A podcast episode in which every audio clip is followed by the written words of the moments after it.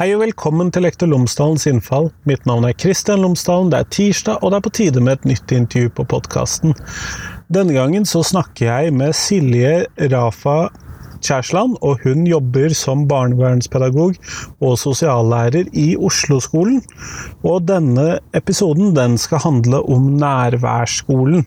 Altså hvordan er nærværsskolen kvalitativt annerledes enn det å skulle jobbe mot fravær og mot frafall? Altså, hva er det som gjør at å fokusere på nærvær er noe bedre enn eller mer enn dette? Er det bare semantikk, eller eh, kan vi snakke om at det er noen ting som kjennetegner en skole som jobber med nærvær, som vil være bedre. Og hvilke metoder er det som fungerer for å skape nærvær? Hvordan legger vi best mulig til rette for dette? Det er dagens episode på podkasten. Ellers, podkasten er som vanlig sponset av Fagbokforlaget, og visste du at Fagbokforlaget har gitt ut en ny metodebok om forskningsoversikter? Og når du da skal skrive en bacheloroppgave eller masteroppgave eller en doktorgradsavhandling, så har du utrolig mye informasjon som du har samlet inn, og som du trenger å få en oversikt over, og som du trenger å kunne forholde deg til på en god måte for å finne ut hva det er du trenger for det du skal gjøre. Hva er det som er viktig for deg? Boka heter 'Forskningsoversikter i utdanningsvitenskap', og fagbokforlaget anbefaler den til alle studenter på lærerutdanningene og innenfor andre pedagogiske fag. F.eks. hvis du tar en videreutdanning. Og du finner den på fagbokforlaget.no, og selvfølgelig bokhandler og sånn. Men fagbokforlaget.no. Nå får du intervju med Silje, vær så god.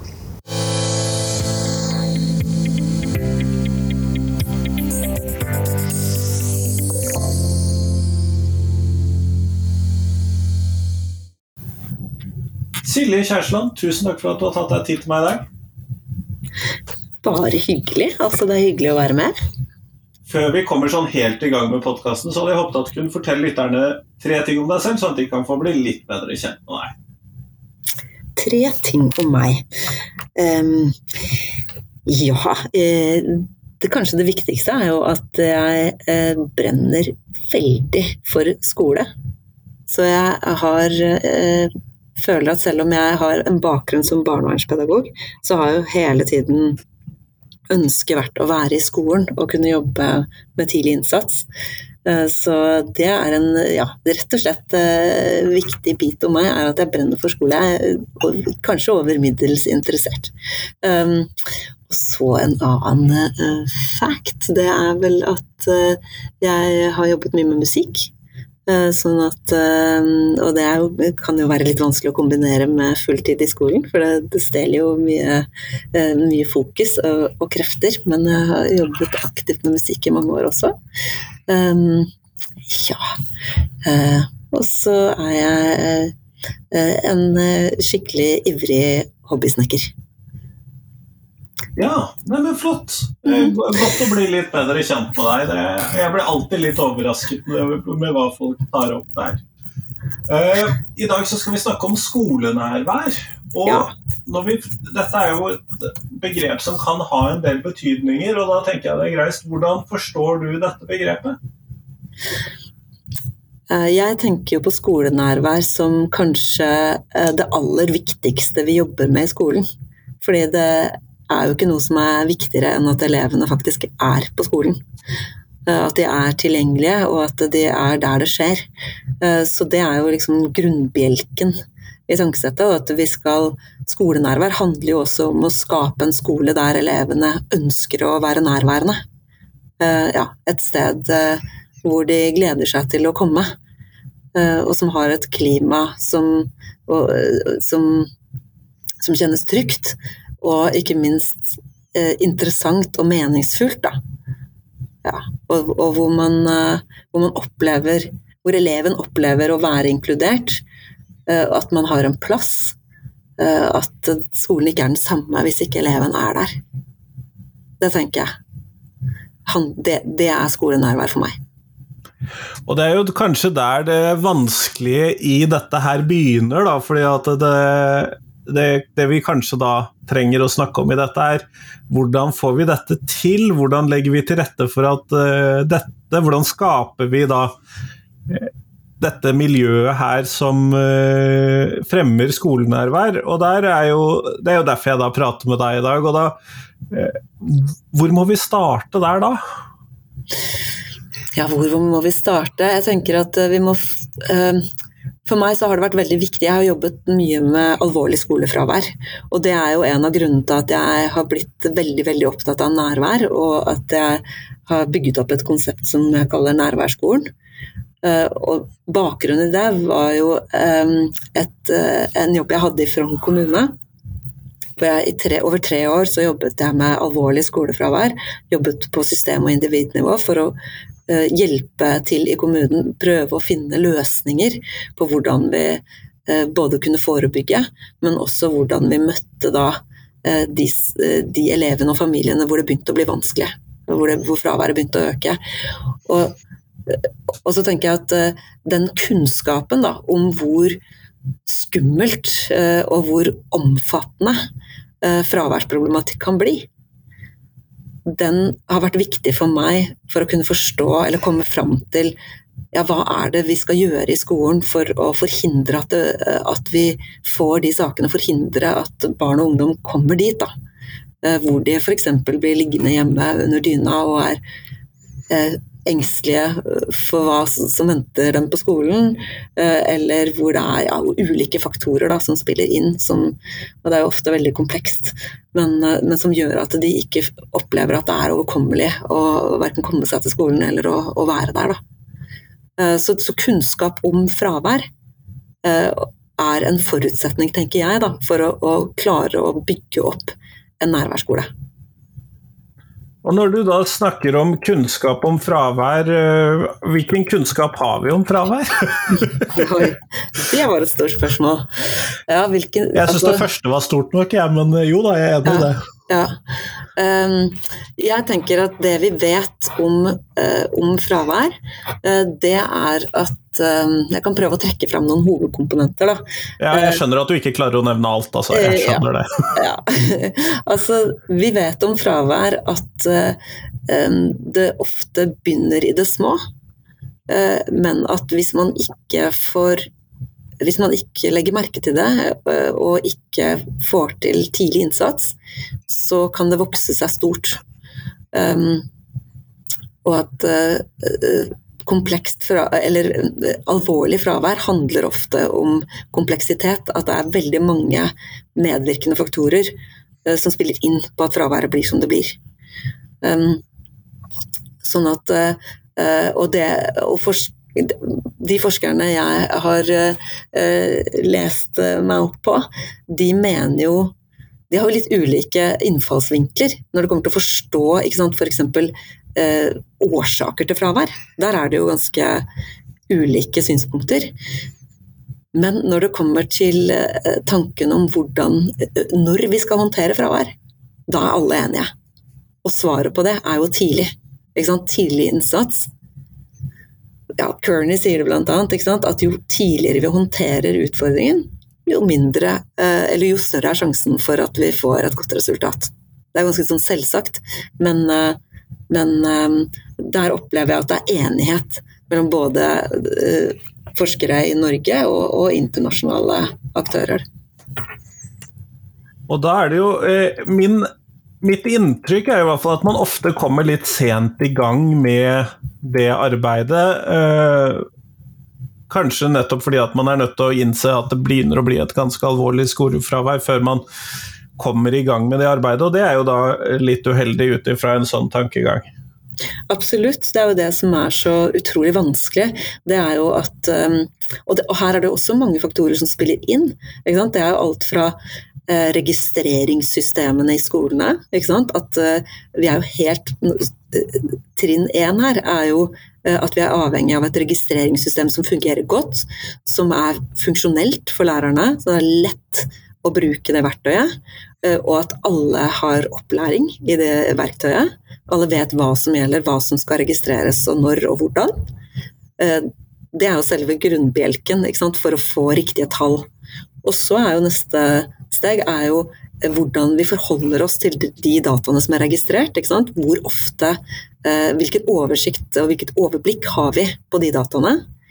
Hva er kontaktlærers ansvarsområde der? Men ikke minst hva er skolens lederes ansvar? Etterspørres de dataene? F.eks. på kommunenivå. da altså hvor opptatt er vi av å holde den jevne oversikten over det fraværet. Og her tror jeg at vi i Norge eh, eh, har bomma litt. Eh, fordi at eh, vi har ikke vi har f.eks. ikke ett system som gjelder for hele landet. Det er ulike systemer i ulike kommuner når det kommer til registrering. Og så er det heller ikke et tydelig nasjonalt krav om, eh, om en oversikt, en fortløpende oversikt. Og hvis vi sammenligner oss med Danmark, så har de der et eh, nasjonalt registreringssystem. Alle skolene, eh, alle grunnskoler bruker det samme systemet. Eh, og det gjør jo også at, at man på statlig nivå har innblikk i fravær på alle skoler til enhver tid. Og det gir jo en helt annet uh, oversiktsmulighet uh, for uh, Men det betyr jo kanskje at dette programmet er statlig, og ikke et sånt alle kommuner og fylkeskommuner kjøper inn forskjellige Nettopp. sånne programvarer? Nettopp. Sånn at jeg, um, Nå vet ikke jeg detaljene i hvilket, hvordan det programmet fungerer, men det er jo det, det, er jo um, Det gir mening for meg i hvert fall at når skole er noe som er lovpålagt, og som alle barn innenfor gitt alder skal gjennom, så er det også fornuftig å ha et system som er likt overalt. Og så, og så er jo neste steg der igjen er jo er jo hvilke lover er det som sier noen ting om når vi skal gripe inn? Ikke sant? Og hvordan vi skal gripe inn. Altså hvilken hjelp er det et barn og en familie skal få, og når har de rett til å få den hjelpen? Og Her syns jeg det er ganske interessant å trekke en parallell til paragraf 9a ikke sant, i opplæringslova, som gir elever rett til et trygt og godt skolemiljø. Og Der blir jo vi i skolene virkelig satt på prøve, ikke sant? At, og det er kjempebra. Ikke sant? Her har vi et trykk på oss på å være veldig raskt på ballen hvis et barn opplever å ikke være trygg på skolen. Da skal vi da utløses en plikt til å følge opp innen eh, ganske kort tid. Og man skal utvikle en aktivitetsplan eh, for å sørge for at det er tiltak som, eh, som følges opp og som foreldrene er trygge på at uh, kan være gode, da, og, og har tro på at skal, skal få barnet uh, Eller ja, gjøre barnet trygt. Så, og det savner jeg når det kommer til skolenærvær. Jeg savner at det er noe lignende. Uh, som både forplikter oss i skolen, men også gir en rettighet til barn og familier. Fordi når noen nå kanskje har hatt et sånt fravær over tid. Startet kanskje på andre trinn, da, og nå går de i åttende trinn. Og det har bare utviklet seg til å bli mer og mer alvorlig med årene. Eh, og så har, eh, har, skolen sannsynligvis gjort sitt beste, men det er kanskje ikke nok. Um, hvilke rettigheter har egentlig da det barnet eller den familien til å klage uh, på, um, på tiltak f.eks., eller hvordan, hvordan saken har blitt møtt og behandlet? Det aner meg jo også at uh, i et sånt case, da, og de er jo ikke helt uvanlige at det går såpass lang tid, eller at problemet kan utvikles over så lang tid, så aner det meg jo at tilliten ofte er litt tynnslitt. Det har du helt rett i. Jeg har jobbet i veldig mange saker hvor den tilliten er fullstendig brutt ned. Da. Eh, og hvor det blir litt sånn skyttergraver hvor skolen på sin side eh, har en oppfatning av at det er et eller annet galt hjemme. Det er noe foreldrene gjør feil som gjør at ikke det barnet får kommet seg på skolen, eller at de ja, ikke gjør tilstrekkelig uh, uh, ja, ikke er tydelige nok f.eks., eller stiller nok krav. Mens foreldrene på sin side opplever at skolen ikke er en trygg nok arena, og at det er derfor uh, barnet får, har det så vanskelig med å gå på skolen. Så det ja, det har vært høy, jeg har vært i flere saker hvor det har vært veldig høyt konfliktnivå eh, i utgangspunktet, så da må man jo jobbe med det også, og prøve å få, det, få den tilliten tilbake på plass. da. Um, så, og det her jeg tenker at tidlig innsats. I barnevernstjenesten, eller man, uh, i barnevernslova, så står det noen ting om um, rett hjelp til rett tid. Og det syns jeg er et sånn utrolig fint sånn grunnprinsipp. Da. Uh, og det opplever jeg innenfor skolen, så syns jeg vi i skolen er veldig gode til å eh, gjøre alt vi kan for å ri, gi rett hjelp til rett tid. Men jeg opplever nok ikke at eh, vi alltid får det til i disse sakene her. Um, og da ender man opp med at uh, problematikken får muligheten til å utvikle seg. Uh, og at det, at det, selvfølgelig fester seg på en helt annen måte enn hvis vi, uh, hvis vi går inn, går, inn, fra første stund hvor vi ser at oi, her, er det, her er det grunn til uro. Eller at foreldrene sier, gir oss signaler om at vi ser kanskje at Kristoffer gruer seg litt nå. Vi, vi, strever på morgenen. Da er det viktig at vi, at vi i skolen lytter til det med, med, en gang og tar det på alvor. Og, og, og samarbeider med foreldrene om å finne gode løsninger. Og barnet, ikke minst. Hmm. Men hvis du ser for deg en uh, prosess på dette området her, uh, hvilket hvordan ser du for deg tiltak for å nettopp eh, bedre skolenærvær for Eller bedre miljø, eller ja, eh, for disse elevene det gjelder? Tenker du da på det forebyggende, helt på det forebyggende plan, eller for de elevene som begynner å få det litt vanskelig med å være på skolen? Jeg skulle ønske jeg mente det første. Ja.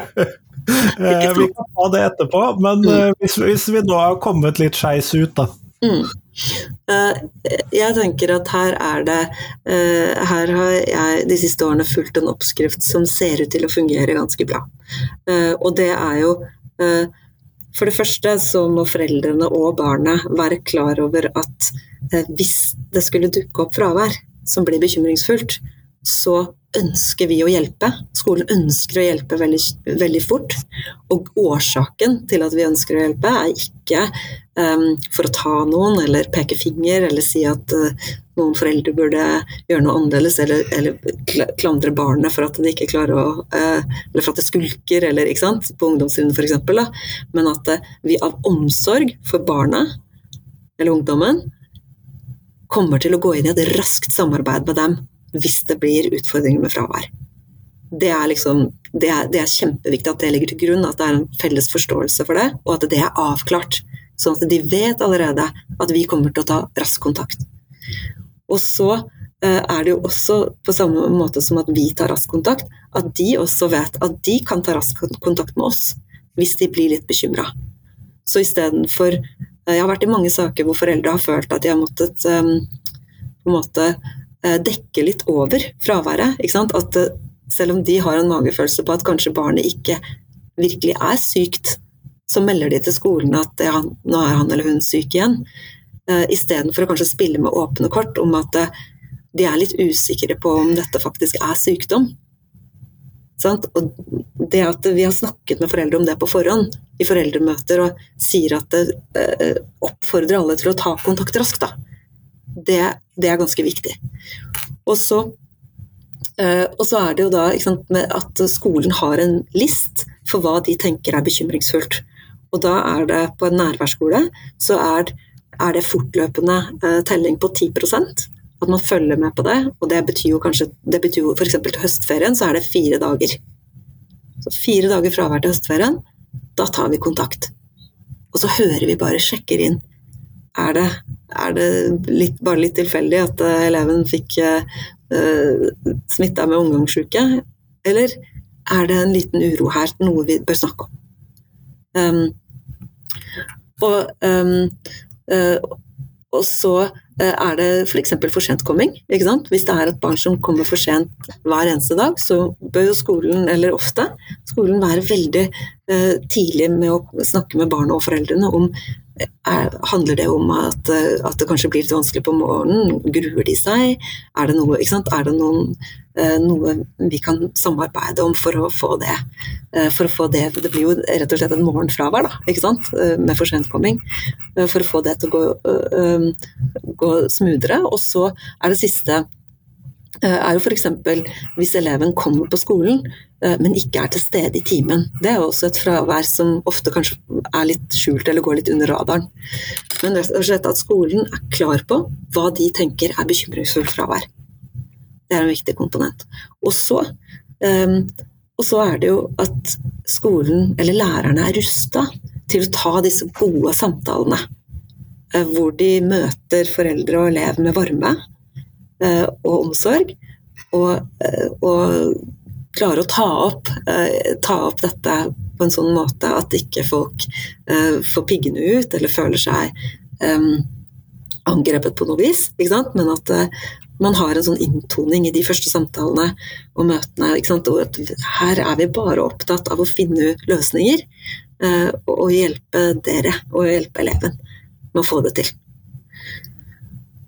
Og så er det jo selve møtet, ikke sant. Eller selve eh, Ja, hvis man ser for seg det, da dette første møtet med skole og elev, så tenker jeg at eh, det er veldig viktig at elevene er med. Selv om det er en førsteklassing, så kan en førsteklassing være med på, på deler av et møte.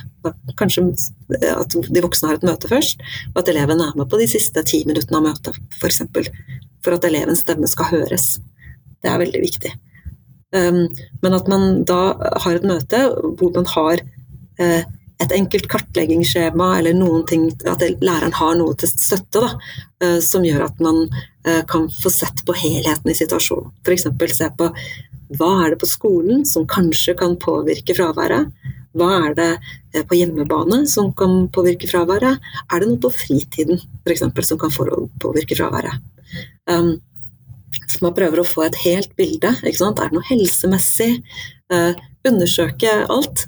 Og så se basert på de funnene man gjør der, så lager man en liten sånn mini-tiltakspakke. Hva gjør vi her og nå? Eh, hvis man tar et eksempel, da, at det er en elev som nettopp har fått ny kontaktlærer, er litt utrygg på den læreren, har ikke hatt fravær før, men nå på tredje trinn med denne nye læreren, så har det fraværet begynt å komme. Så man opplever det at eh, Eller foreldrene sier at vi, vi, vi, tror ikke at eh, hun er helt trygg på han nye kontaktlæreren, f.eks. Eh, og så i tillegg så er det sånn at hun mista jo bestemor i sommer. Og det ser vi at hun har hatt en reaksjon på, så hun har gått og vært litt trist etter det.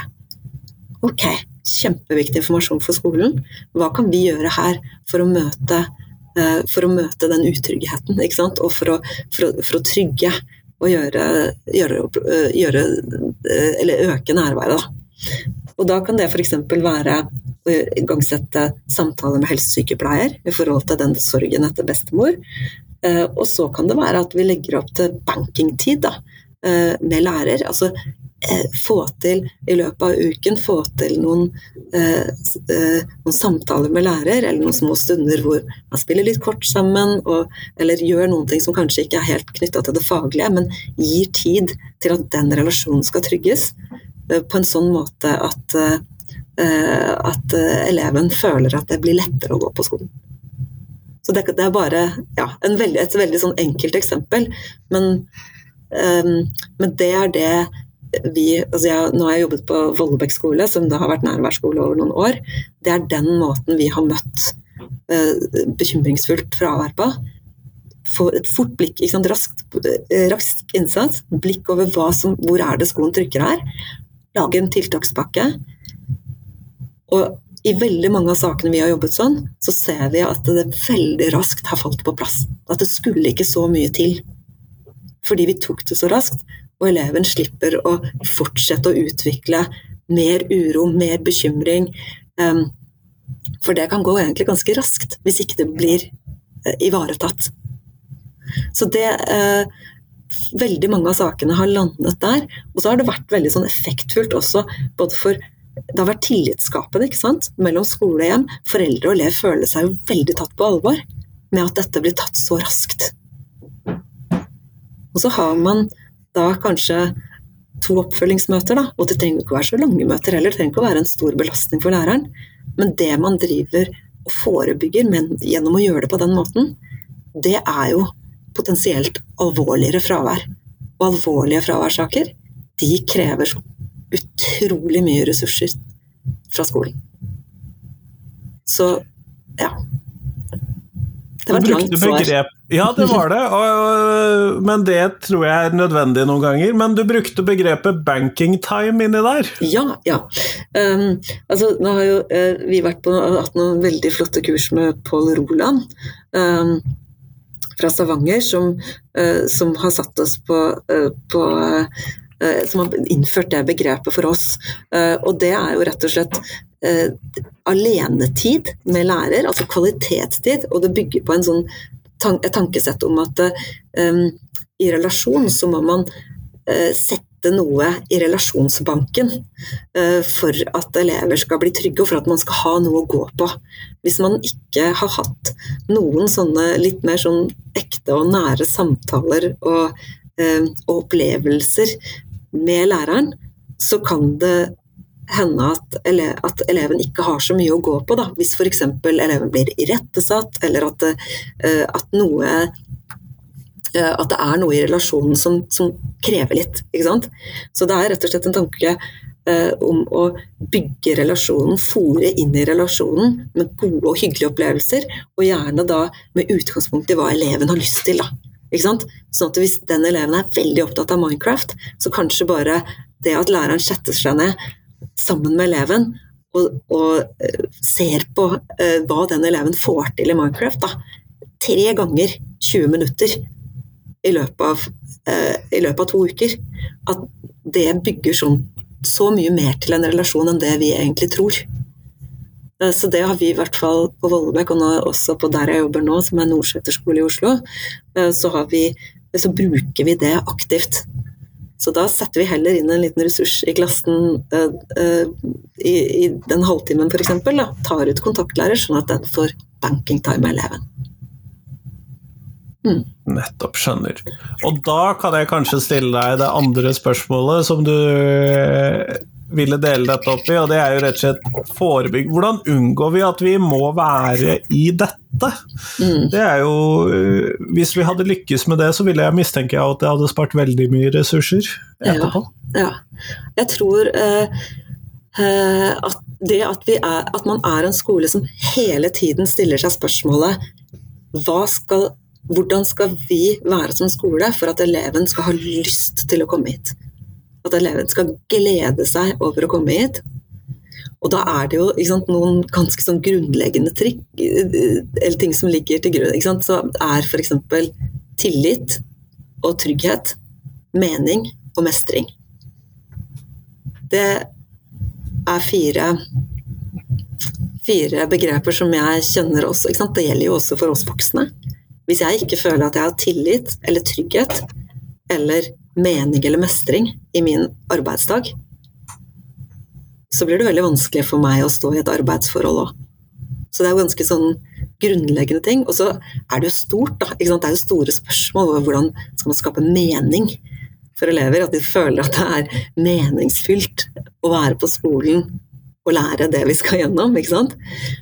Men det handler jo også mye om f.eks. om elevmedvirkning. At man er gode på det. Og det ligger jo Det er jo ganske fremtredende i LK20 at vi, eh, at vi må bli bedre på det. Og det er jo ofte, sier ofte elevundersøkelsene, resultatene i de også, at, at her har vi noe å hente. Skape en skolehverdag hvor elevene føler at det er meningsfullt. At vi lærer noe vi trenger, f.eks. Um, på ungdomstrinnet. Kanskje man kan bli litt flinkere til læringen og praktisk eh, tilrettelegging. At det er praktiske oppgaver. Eh, ja, lytte til elevenes eh, tanker og ønsker om hva de trenger å lære, og hva de ønsker å lære. Og på hvilken måte. Um, og så tenker jeg også i forhold til trygghet og tilhørighet, da, at man, at man hele tiden følge med, at læreren er um, innstilt på å se hvert enkelt barn og tenke har du tilhørighet i denne gruppa? Kjenner du deg hjemme? Har du en plass? Har du, Vi snakker ofte om, om vennskapsrelasjoner, og, og, mange ganger og Det er jo her ni av fire har blitt så viktig, syns jeg. da, At det er jo elevens opplevelse eh, av eh, av situasjonen som skal gjelde. En, vi kan jo se på en elev og tenke ja, hun, har da, hun har jo noen å være med i friminuttet, hun. Vi ser jo ikke at hun står noe særlig alene. Men kanskje den eleven kjenner at ikke de relasjonene er av god nok kvalitet, f.eks. Jeg snakket med en førsteklassing en gang som sa eh, jeg føler ikke at jeg har noen ekte venner. Og den eleven hadde begynt å, å grue seg for å gå på skolen. Og så så jo lærerne ja, men den eleven hadde jo noen Det var ikke sånn at den ikke ble invitert inn i lek, eller Men eleven selv følte ikke at det var ekte venner. Eleven hadde begynt på skolen fra en annen barnehage enn alle de andre. ikke sant? Sånn at det var en, sånn, en liten sånn ensomhetsfølelse der fra start. Og så i samtalen med eleven så, sier, eh, så spør jeg eleven men, men, hvordan vet du at de ikke er ekte? Uh, og, så, og, så, sier eleven du skjønner, jeg er så veldig uheldig. Jeg er så veldig uheldig, så, så jeg skader meg ganske ofte. Og, og, det som er så dumt med det, er at hvis man ikke har en ekte venn, så kan man heller ikke få ekte trøst. Så da handler det om kvaliteten av relasjonen, eh, eller kvaliteten i relasjonen. At selv om vi ser en som leker med andre, så kan den kjenne seg ensom. Så det handler litt om å gå dypt nok inn i det, og at vi er gode til å lytte ut elevene og ha blikket ute hele tiden. Og det er klart det er krevende. Har man 25 elever i klassen, det er veldig krevende å følge med på at hver enkelt, ja, hver eneste en, skal føle den derre tilhørigheten og tryggheten. Da. Men det tenker jeg er en del av oppdraget vårt. Og så må jo skolene rigges da, sånn at lærerne har tid til den jobben. Mm. Og dette er jo eh, krevende når det er såpass mange elever per lærer eller per skole eller per ansatt, eller mm. hvordan vi nå skal eh, vri og vende på dette. Det er ikke alle skoler som har barnevernspedagoger ansatt, eh, f.eks. Nei, Nei og, det, og, jeg, og, det, er ikke sånn at jeg tenker at det forebyggende arbeid, arbeidet i skolen er lett. Det er ikke lett. Det er, et, det er utrolig stort. Eh, og jeg tenker jo lenger jeg er i skolen, eh, jo større ser jeg at det er. Ikke sant? For det handler jo også om, om, om denne komponenten som handler om læring av eh, sosiale og emosjonelle ferdigheter. Ikke sant? Det har jo blitt større og større behov for det i skolen, sånn som jeg ser det i hvert fall. Ikke sant? At det er um, at det er faktorer i samfunnet som gjør at Eh, at vi i skolen må ta oss av i enda større grad ta oss av den biten der. Da? Og lære barn å snakke om følelser eh, og sette ord på hvordan de har det.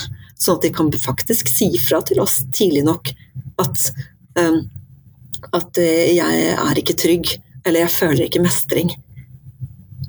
Så, vi, så, så det er å, å jobbe jobbe systematisk med sosiale og emosjonelle ferdigheter, det er jo også en veldig viktig bit av det forebyggingsarbeidet. Og det kan jo gjøres gjennom programmer. At man kjøper programmer, ferdige programmer, eller at skolen lager et program selv. På Vollebekk så lagde vi eh, et SOS-M-program. Vi kalte det SOS-M-programmet. Altså, altså et program for trening i sosiale og emosjonelle ferdigheter. Med, sånne, med leksjoner som vi hadde åtte, eh, åtte leksjoner hvert semester fra første trinn til og med tiende trinn. Hvor elevene jobbet med um, psykologisk førstehjelp, uh, jobbet med, med sjiraffspråk, eller ikke-voldskommunikasjon. Ikke hvordan kommuniserer vi hverandre i konfliktsituasjoner. Uh, hvor de jobbet med lik, altså ulikhet. Um, hvordan tåle at, eh, at, eh, mennesker er ulike. Hvordan skal vi eh, leve sammen, ikke sant? Få det til. Um, så, så, ganske sånn systematisk arbeid med det. Men det ser jo det at det har ikke alle skoler. Og det, jeg skjønner godt hvorfor ikke alle skoler har det. Vi har utrolig mye i skolene som vi må uh, forplikte oss til å jobbe med og ha som satsingsområder. Og hvordan skal vi få plass til alle de satsingsområdene? ikke sant? Um, ja, ja, alltid skal jo noe inn i skolen, men samtidig så kan man jo argumentere for at dette egentlig allerede er i skolen. Dette er ikke snakk om å putte noe nytt inn i skolen. Dette ligger jo som et ansvarsområde allerede. Absolutt. Så det er jo bare hvordan vi organiserer oss, og hvordan vi sikrer at For noen lærere er jo utrolig opptatt av denne biten. De jobber jo daglig med, med, kjempefin og systematisk trening i sosiale og emosjonelle ferdigheter, og kan mye om det selv. Det er, eh, men så er det andre lærere som ikke har det lengst frem, for det kanskje er faget som står lengst frem. Sånn at, um, at her, her, er det stor variasjon, sånn som jeg ser det. Kjempeflott, Silje. Vi går mot slutten av den tiden som vi har sammen. Og da mm. tenkte jeg skulle stille deg det avsluttende spørsmålet mitt som jeg stiller alle for tiden. Og hvilken lærer har gjort størst inntrykk på deg, og hvorfor det? Åh, det For et vanskelig spørsmål. Altså um, ja, det er, det er, jo egentlig to som dukker opp. Um, og det ene var, er jo eh, min første uh, Den læreren jeg fikk i første klasse som min første uh, kontaktlærer, uh, og det var Heidi Rømming på Korsvoll skole i Oslo. Fantastisk lærer. Hun var veldig fersk, og likevel så hadde hun bare så utrolig utrolig kontroll på klassen, altså både det pedagogiske og det mellommenneskelige. Så um, Nei, det var bare eh, en veldig sånn eh, opplevelse av å alltid være sett og ivaretatt. Um, så det er nok eh, kanskje henne. Og så hadde jeg en veldig inspirerende lærer på videregående som het Erik Melvold, som var historielærer og som var Oslo-los, og som kunne som fortelle om Oslo by på en sånn måte at man følte at man sto, sto og han hadde med oss på turer rundt i byen, og vi, vi, følte nok at vi sto liksom i 1822 når han fortalte eh, så levende om, eh, og så engasjert um, om historiske perioder. Så ja. En uh, i faget og en i, i, i det mellommenneskelige, føler jeg kanskje. En, at jeg har fått eh, en av hver der, som har gjort veldig sterkt inntrykk. Kjempeflott. Tusen takk for at du tok deg tid til meg i dag. Bare hyggelig. Takk for at jeg fikk være med.